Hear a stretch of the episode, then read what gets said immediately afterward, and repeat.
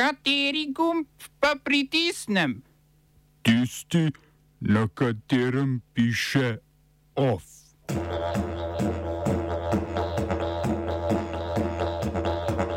Vučić in Urban do novih volilnih zmag. Pakistanski predsednik Alvi razpustil parlament. Janša v konfliktu interesov pri imenovanju Matoza. V kulturnih novicah ali lahko butični kombi decentralizira ponudbo slovenske mode.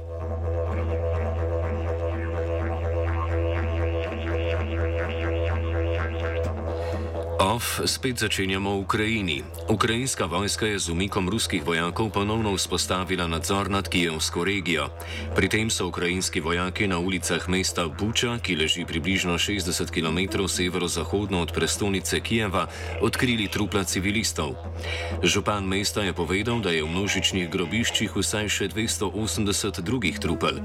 Ukrajinski premijer Volodimir Zelenski je krivdo za umore pripisal ruskim vojakom, ki jih je označil za morilce in posiljevalce, ki izvajajo genocid v Ukrajini. Ukrajinsko ministrstvo za obrambo pa je prek Twitterja sporočilo, da gre za novo srebrenico. Rusija je vse obtožbe ukrajinske strani zavrnila in povedala, da so odkrili znake ponaredkov. Dodali so tudi, da ni bil niti eden lokalni prebivalec žrtev nasilja in da jim je Rusija dostavila 452 ton pomoči. Na sosednjem Mačarskem je na parlamentarnih volitvah četrtič zapored zmago osvojila Fides, desna populistična stranka premijeja Viktorja Orbana. Stranka je na volitvah nastopila skupaj s svojo koalicijsko partnerico Krščansko-demokratsko ljudsko stranko. Skupaj sta kljub nekaterim drugačnim napovedim predvolilnih anket uspeli obdržati dvotretinsko večino v parlamentu in najvišji volilni rezultat od tako imenovane demokratizacije Mačarske leta 1990. 1990. Vladni stranki sta ob visoki, skoraj 70 odstotni volilni udeležbi dosegli 53 odstotkov glasov. Zmaga Urbanu odpira pot do njegove pete vlade. Na volitvah je prvič kot enoten blok nastopila tudi opozicija šestih strank in dveh gibanj pod skupnim imenom Združeni za Mačarsko. Socialno-demokratska demokratična koalicija, konzervativni Jobik, Mačarska zelena stranka, liberalni momentum, desno-sredinsko gibanje Mačarska vsem in gibanje 99 Budimpeškega župana so skupaj prejeli dobro tretjino glasov. Ta rezultat jim je kljub združenosti prinesel manj poslanskih mandatov kot samostojni nastopi pred štirimi leti. V parlament se je prvič uvrstilo tudi skrajno desno gibanje Naša domovina.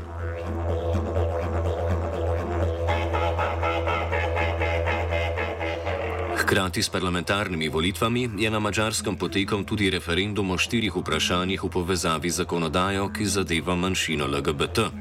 Voljivci so bili sugestivnimi vprašanji po vprašanju o izobraževanju mladih o različnih spolnih usmerjenostih in transspolnosti ter spolni vzgoji.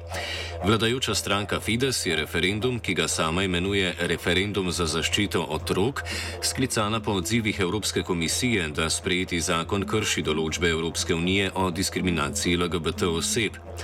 Ker na vprašanja ni veljavno odgovorila večina vseh volilnih upravičencev, referendum ni uspel in ostaja nezavezojoč.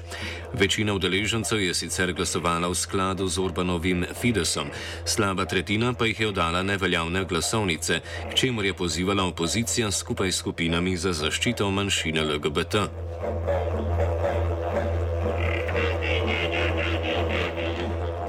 Volilna nedelja je dvojno zmago prinesla tudi trenutnemu srpskemu predsedniku Aleksandru Vučiću. V Srbiji so hkrati potekale parlamentarne, predsedniške in lokalne volitve v več občinah. Po pričakovanjih je Vučić že v prvem krogu pobral večino glasov in si zagotovil drugi predsedniški mandat. Glavni protikandidat opozicijske desno-sredinske ljudske stranke je za njim zaostal z manj kot petino glasov. Vučićeva srpska napredna stranka je zmago dosegla dosegla tudi v parlamentu, a je bila za dosego večine nekoliko prekratka. V povolilnem nagovoru se je Vučić tako zahvalil prebivalcem Srbije. Ono što je najvažnije, čestitam građanima Srbije na demokratski obavljenom poslu, na tome što je Srbija danas snažnija zbog tako obavljenog posla A da li ćemo biti snažniji zato što smo ovoliko udesno otišli, to je veliko pitanje za sve nas i verujem da će SNS umeti da drži krmu i pramac tog broda, a da taj brod ne zastrani suviše u desnu stranu, jer i to nosi svoje velike opasnosti u budućnosti, a ne samo lepe želje i lepe emocije. Njihov rezultat je sicer slabši v primerjavi z volitvami leta 2020, ko je opozicija volitve bojkotirala. Po dosedanjih rezultatih, ki jih je zvečer razglasil kar Vučić sam, se je v parlamentu vrstilo tudi več novih strank. Več o njih pove novinar časopisa Vreme Nedim Sejdinovič. Glavna vest o tome, da so uh, tri stranke, rekel bih, ekstremne desnice ili, ili, ili ovaj, kako za izražene desnice a, prešle, prešle cenzus, pogotovo je to stranka NADA okupljena oko ideje monarhije i tako dalje, koja predstavlja jeli, a, prilično desno, desno, desno orijentisane stranke koje su proruske i tako dalje, potom dveri i, i, i zavetnici, tako da to definitivno govori da je Srbija ta desna strana Srbije je ojačala, što uopšte nije čudno, jer to jeste posledica i rata Ukrajine i posledica činjenice da mediji u Srbiji i veliki broj intelektualaca javnih ličnosti zapravo podržavaju tu užasnu rusku agresiju na, na Ukrajinu i i zločine koje, koje Rusija čini, čini u, nezavisnoj, u nezavisnoj državi. Prebivalci 12 srpskih občin in dveh mest so se lahko izrekli tudi glede lokalne oblasti. Po dosedaj preštetih glasovih kaže, da je v Beogradu Vučičeva napredna stranka osvojila največ glasov, a ne bo obvladovala večine. Tako bo novi beograjski župan, ki ga izvoli občinski svet, odvisen od koalicijskih pogajanj. Na Kostariki je včeraj potekal drugi krok predsedniških volitev. Joseja Figueresa, ki je Kostariki že predsedoval en mandat v 90-ih letih prejšnjega stoletja, je premagal nekdani ministr za finance Rodrigo Čavez. Čavez, ki ga je predlagala desno-sredinska socialno-demokratska progresivna stranka, bo v trenutnega levo-sredinskega predsednika Carlosa Alvarada na položaju zamenjal prihodnji mesec. Alvarado se zaradi kostariških ustavnih določil ni mogel potegovati kandidati za ponovni mandat, saj ta aktualnim predsednikom prepoveduje kandidaturo. Glavni izziv novo izvoljenega predsednika bo reševanje ekonomske krize, ki pesti državo. Pakistanski predsednik Arif Alvi je po poskusu izglasovanja nezaupnice vladi razpustil parlament.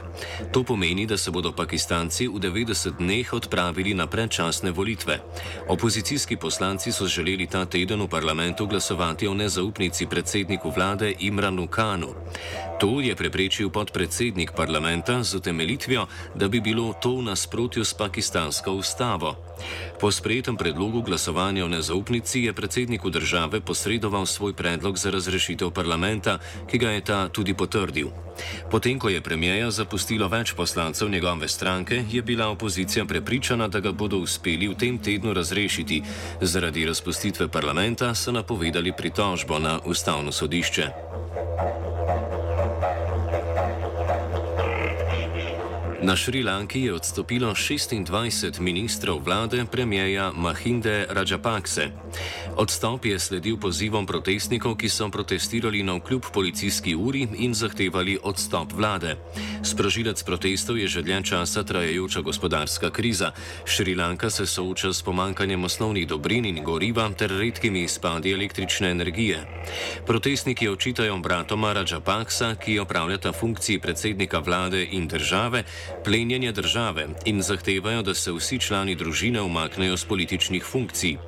Brata sta edina, ki še zasedata položaje in nista odstopila.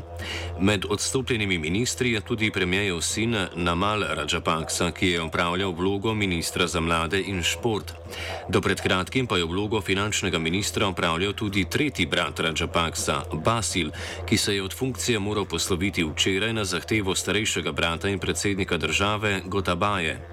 Slednji je danes po razpadu vlade pozval vse stranke v parlamentu naj zasedajo ministerske položaje in sodelujejo pri reševanju krize. Ovo ću, bom odgovoril na angliški. Slovenija will try to help. We can. Slovenija will and we will do our utmost to say that the situation is our problem ourselves. And uh, we will uh, make further steps as soon as the conditions are. Bomo vlado Marjana Cerer, Marjana Cerer Šarca podprli. Very, very serious. News from Slovenia. We know how and we will. Komisija za preprečevanje korupcije je pravnomočno ugotovila konflikt interesov pri predsedniku vlade Janezu Janši v primeru imenovanja Francija Matoza za najzvršnega direktorja družbe za upravljanje terjatov bank. Janša se pri glasovanju ni izločil in je s tem kršil 37. člen zakona o integriteti in preprečevanju korupcije. V skladu z zakonom bi se premijer zaradi poslovnih stikov z Matozom, ki Janšo kot odvetnik zastopa v več primerjih, moral izločiti iz glasovanja na vladi. KPK je ugotovila, da je Matoz z imenovanjem pridobil premožensko in nepremožensko korist v obliki finančnih prejemkov ter funkcije. Premijer pa ni storil vsega, da se konfliktu interesov izogne, kot mu to nalaga zakon. OF je pripravil Blaž.